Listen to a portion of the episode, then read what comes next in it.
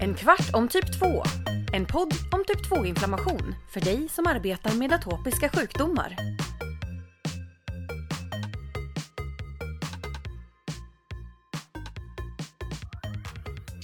Hej och välkomna till en kvart om typ 2. Mitt namn är Tarek Bass. Jag är medicinsk rådgivare på Sanofi. Och idag ska vi lära oss mer om feno. Och vem annars ska man prata med om feno än? Kjell, du är professor i Uppsala inom luftvägarnas farmakologi och du har forskat inom astmamekanismer och inom astmabiomarkörer inom, inom fyra decennier nu, sa du precis. Så välkommen till podden. Vem annars ska vi prata med? Tack. Ehm, ja, precis. Jag har hållit på med den här typen av forskning eh, bra länge nu. Åren går. Eh, och en stor del av den här tiden så har jag hållit på med, med biomarkörer och det, starten till det var ju våra upptäckter kring utandat NO eller FENO. FENO eh, är ju en förkortning som eh, grundar sig i det engelska uttrycket fraction of exhaled nitric oxide. Eller eh, koncentrationen av NO i utandningsluft. Och eh, det var det vi så många som jobbar med feno idag inom astma anser det som en biomarkör. Men hur har det blivit en biomarkör? Vad är fenos egentliga roll eller egentliga funktion? Precis. Eh, det, när vi upptäckte då att eh, det faktiskt eh, går att mäta NO utandningsluft. Och det var ju slumpupptäckter som vi gjorde på Karolinska institutet för ja, i början på 90-talet. Eh, min eh, kollega på granninstitutionen, eh, Lars Gustafsson, visade att det går att mäta NO i utandningsluft. Eh, därför att eh, det hade ju då föreslagits att kvävemonoxid, en liten gasformig molekyl, molekyl produceras av däggdjur och har en mängd reglerande funktioner i kroppen. Eh, och Lars Gustafsson eh, han eh, resonerade så att eftersom endotel verkar producera kvävemonoxid eller NO, då borde det produceras mycket i lungan. I alveolen har vi väldigt mycket endotel och han mätte. Och byggde ett system för att mäta utan att NO kunde påvisa detta. Vi kastade oss över det här också i vår forskargrupp och kunde sedan visa att eh, NO i utandningsluft eh, är faktiskt ökat. Alltså koncentrationen verkar vara ökad hos individer som har luftvägsallergi och, och, och astmatiska besvär. Eh, och det här ledde ju till en enorm forskningsaktivitet världen över och sedan dess så har vi ju eh, då ändå lärt oss en hel del om vad som eh, styr eh, koncentrationen av NO och utandningsluft. Men i början så hade vi faktiskt ingen aning. Vi trodde det kom från bakterier alltihopa. Ehm, men det är ju så att vi, även om man inte har en allergi och astma, så eh, andas vi ut NO eh, dagligen. Eh, så det finns en normal produktion av kvävemonoxid. Och det tror vi kommer framförallt från respiratoriskt epitel. Eh, då. Och eh, det finns eh, mer, eh, mer av denna NO-produktion i de övre luftvägarna, så vi har väldigt höga NO-nivåer i sinus, i, sinus, i bihålorna. Och där bygger man upp väldigt höga koncentrationer.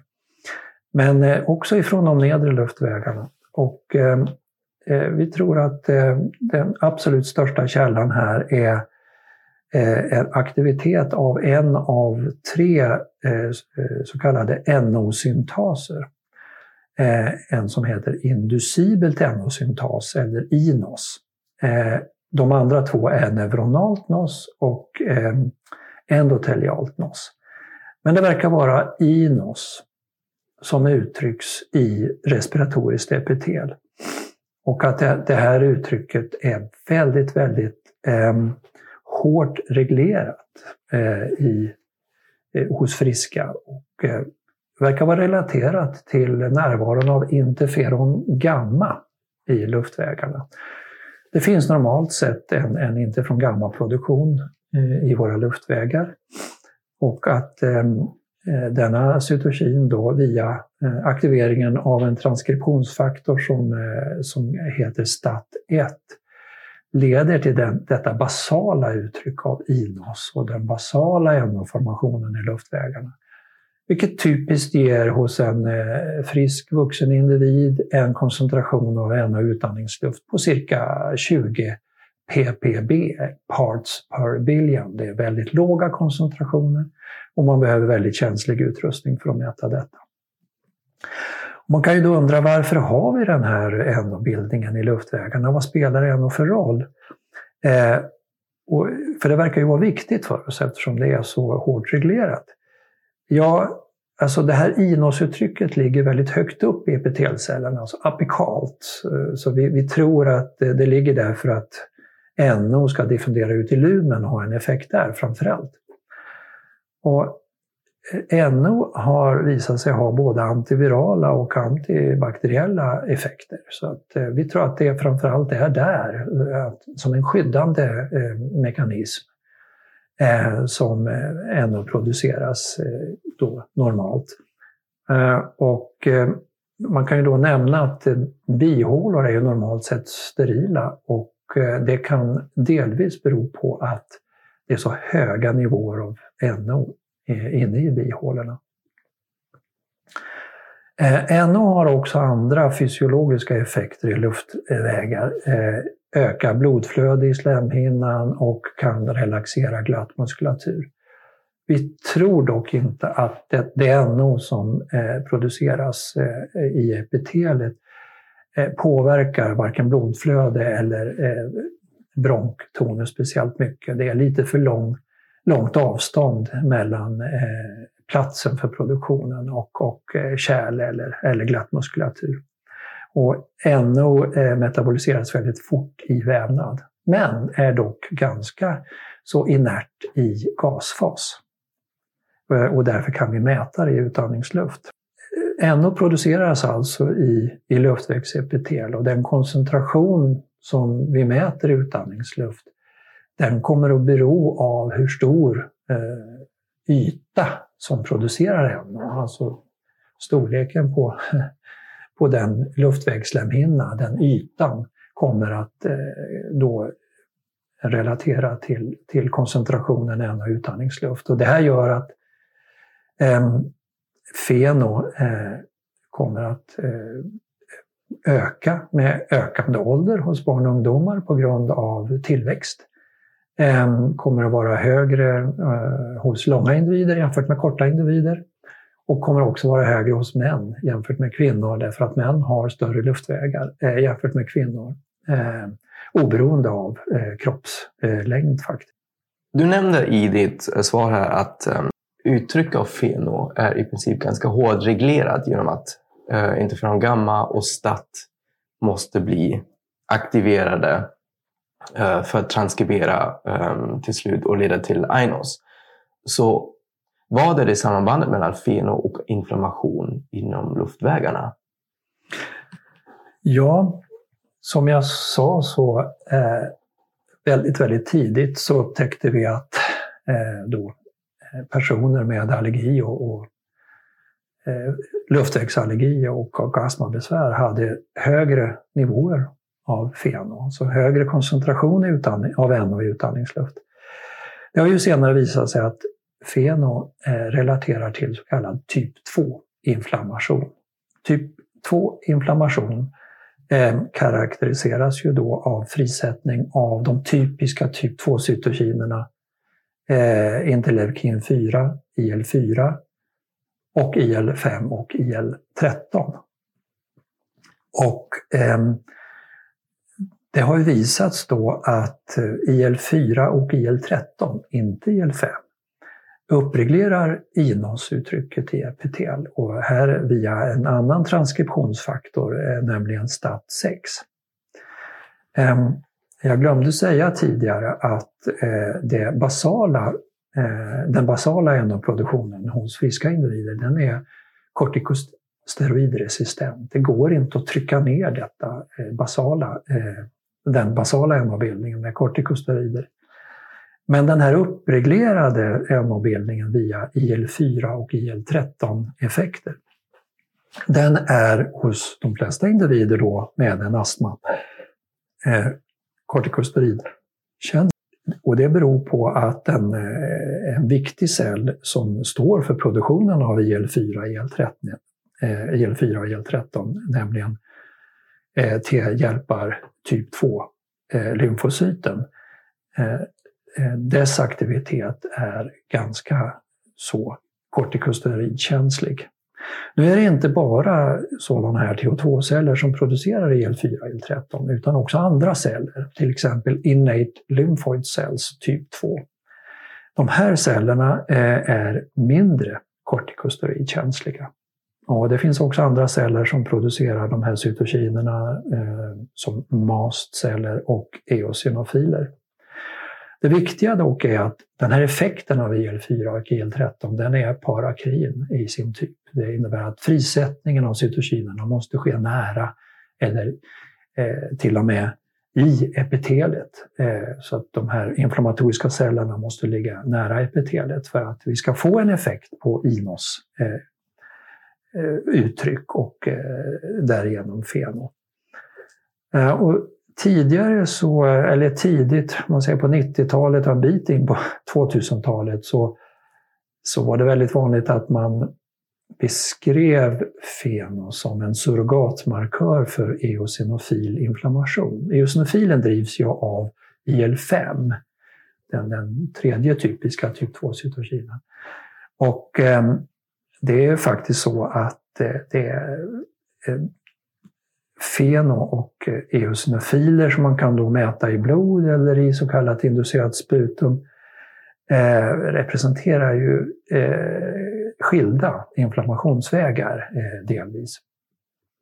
Och eh, eh bara i väldigt speciella situationer, och det är när vi har eh, stora mängder eosinofiler nära epitelet och eh, eosinofilen som då frisätter IL-13, då kan man se en, en liten effekt på feno. Så feno är inte en surrogatmarkör för eosinofil inflammation. Det är tvärtom så att eh, feno och till exempel blodeosinofiler har visats så att säga, addera risk för, oberoende av varandra, för sjuklighet i astma. Eh, vilket ju indikerar att de står för, för delvis skilda eh, inflammationsvägar. Vi ska också komma ihåg här att Ehm, typ 2-inflammation kan principiellt delas upp i adaptiva och eh, icke-adaptiva mekanismer. De adaptiva då typiskt då eh, i allergisk astma när vi har TH2-cellsaktivering och IG-produktion och exponering för ett allergen, eh, då en, en antigen-specifik mekanism, eh, leder då till en uppreglering av typ 2-inflammation och feno. Och sen de icke-adaptiva, eh, kanske framförallt representerat av aktivitet av ILC2-celler som i sin tur aktiveras av agens som är inte antigenspecifika, till exempel virus, partiklar och andra. Och de här cellerna är till skillnad från eh, TH2-celler inte så kortikosteroidkänsliga.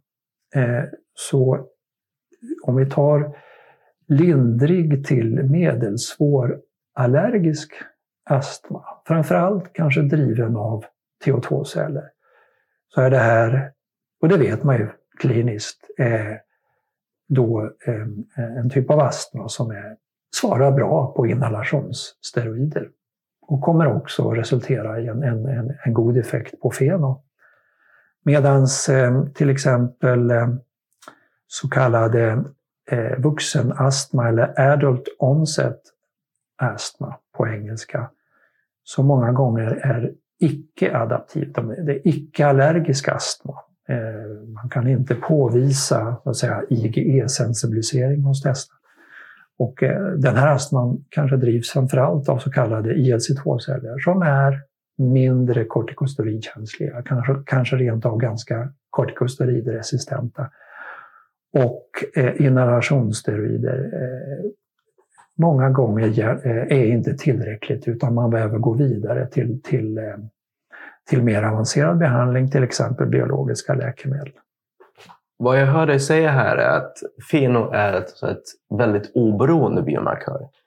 Så om vi tänker oss inom en treatable traits framework, vad kan vi, eller hur kan vi använda feno som en eh, prediktor för en behandlingsrespons inom astmabehandling? Ja, som jag indikerat då, eh, eftersom feno då eh, uppregleras av lokal frisättning av typ 2-cytokinerna IL-4 och IL-13. Eh, och att eh, åtminstone vissa eh, celler som producerar de här cytokinerna är kortikosteroidkänsliga. Och inhalationssteroider eh, eh, de är ju utvecklade för att ha en lokal effekt i, i, i luftvägsslemhinnan. Så på det sättet så blir ju eh, feno en, en god markör för, eh, eller prediktor för, för behandlingsrespons till just inhalationssteroider. Och eh, där man kan följa upp då eh, effekten efter insättning av behandling. Eh, och det är visat eh, i, i flera studier att, att eh, feno då går ner när man sätter in inhalationssteroider hos många patienter men inte hos, eh, hos alla. Och det finns eh, då eh, flera olika orsaker till det. Andra astmaläkemedel som till exempel antileukotrener, där är det lite sämre med information om feno kan säga, predicera behandlingsrespons. Det vi vet är att antileukotrener kan sänka feno. Eh, så antileukotrener eh, har ju en, en antiinflammatorisk effekt också. Eh, och det man har visat till exempel är att eh, patienter som står på en låg dos inhalationssteroid, där kan tillägget av en antileukotren eh, leda till en sänkning av fenan. Eh, vilket indikerar kanske att eh, antileukotrener kan vara ett alternativ till att höja en, en inhalationssteroiddos. Sen finns det också information kring att feno eh, kan eh, då predicera ett kliniskt svar eh, mot vissa biologiska läkemedel. Du var inne lite på det, att det går att använda feno som en markör som kan predicera behandlingsrespons. Men kan du utveckla lite grann kring hur man också använder det som en uppföljningsmarkör? Ja, precis. För att uppföljningssituationen är kanske den viktigaste situationen vad, gäller den kliniska användningen av, av fenomätningar. Eh, därför att det intressanta är ju då kanske inte att efter till exempel insättningen av en inhalationssteroid att feno går ner. Eh, för då är det bara att fortsätta behandlingen. Utan det, det intressanta är ju när feno inte går ner. Trots att man kanske förväntar sig det av den insatta behandlingen. Och då finns det eh, flera saker här att ta i beaktande då när feno inte eh, går ner som man vill. Och det första är ju naturligtvis eh, att ta upp eh, aspekten kring behandlingsföljsamhet med patienten. Och då har man ju ett värde att utgå ifrån och det blir ju svårare för patienten att påstå kanske att man har använt sin inhalator. Eh, så att man har ett, ett underlag för en, eh, för en dialog mellan, mellan doktor och eh, patient som kan vara väldigt viktig. Och att det här också kan motivera patienten att använda sin medicin på grund av att det finns tecken på, inflammation, eh, tecken på kvarvarande inflammation i luftvägarna. Eh, sen eh, naturligtvis så eh, kan man ju fundera på det här med patientens inhalationsteknik, om den kanske inte är helt, helt adekvat. Och man, man, man kan ta upp den aspekten också i, i det här sammanhanget. En annan icke-farmakologisk aspekt eh, om feno inte går ner, det är ju eh, miljöaspekter. Och framförallt då kanske eh, hos patienter med allergisk astma. Alltså alienexponering. Jag tänker här i Sverige framförallt på eh, om man nu har en pälsdjursallergi och kanske faktiskt har det relevanta pälsdjuret i hemmet i en sån situation, till exempel katt. Eh, och där, där, där har man en situation där det blir väldigt svårt för inhalationssteroiden att, att ta ner inflammationen. Och då, då eh, har man ju en möjlighet att diskutera detta med patienten. Låt hunden sova i ladugården. Ja, eh, eller att det är dags att kill the cat. Mm. Eh, nu är ju det väldigt svårt naturligtvis, men, men eh, allergenexponering är en, en viktig motverkande faktor här för inhalationssteroideffekten och den ser man med en, fenomätning, en uppföljande fenomätning. Men eh, tycker man att behandlingsföljsamhet, inhalationsteknik och eh, så att säga allergenexponering är okej, okay, då eh, kanske det är så att eh, den dos man förskrev eh, var inte tillräcklig utan eh, det, det man får fundera på att höja inhalationssteroiddosen till exempel. Och hjälper inte ens det och, och symptomen är, är, svåra, ja men då indikerar ju det här att det, det, det är läge att fundera på eh, mer kraftfull eh, behandling som motverkar typ 2-inflammation. Om vi tänker klinisk respons, vad är det som en förhöjd fenovärde signalerar då specifikt? Ja, precis. Eh, bra fråga. Det, det, det, det, vi har sett är ju då, eller det jag har sagt redan är ju att eh, feno är inte en surrogatmarkör för eosinofilinflammation. Men vad, vad är det då för, för cellulära aspekter som feno signalerar för? Och då eh, finns det många studier som visar att feno eh, korrelerar väl med eh, bronkial hyperreaktivitet. Airwaves hyperresponsiveness på engelska. Och det är både mot eh, när, när, när direkta eh, och indirekta ämnen används för, vid provokationstester. Men feno korrelerar framförallt till så att säga, indirekta provokationer, till exempel manital, Men även då eh, fysisk ansträngning och speciellt fysisk ansträngning i torr luft. Och, och det här eh, tror vi beror på en infiltration av mastceller i epitelet. Och mastcellen är en god producent av IL-13. Så det, det, kan förklara den, den nära relationen mellan bronkiell hyperreaktivitet och fenon. Så att vid en god effekt av insatt behandling Eh, på feno eh, så kan vi förvänta oss då en, en sänkning av denna eh, bronkiella hyperreaktivitet men också av lungfunktion generellt. Och kanske även mucusplugging? Och kanske även mucusplugging där vi vet att IL-13 är så att säga en av bovarna i dramat. Mm. Mycket, mycket att tänka på, mycket komplext system. Yes. Men vi tackar dig än så länge. Det var väldigt, väldigt intressant. Vi smälter det och vi tackar dig så mycket för att du var med i podden. Tack.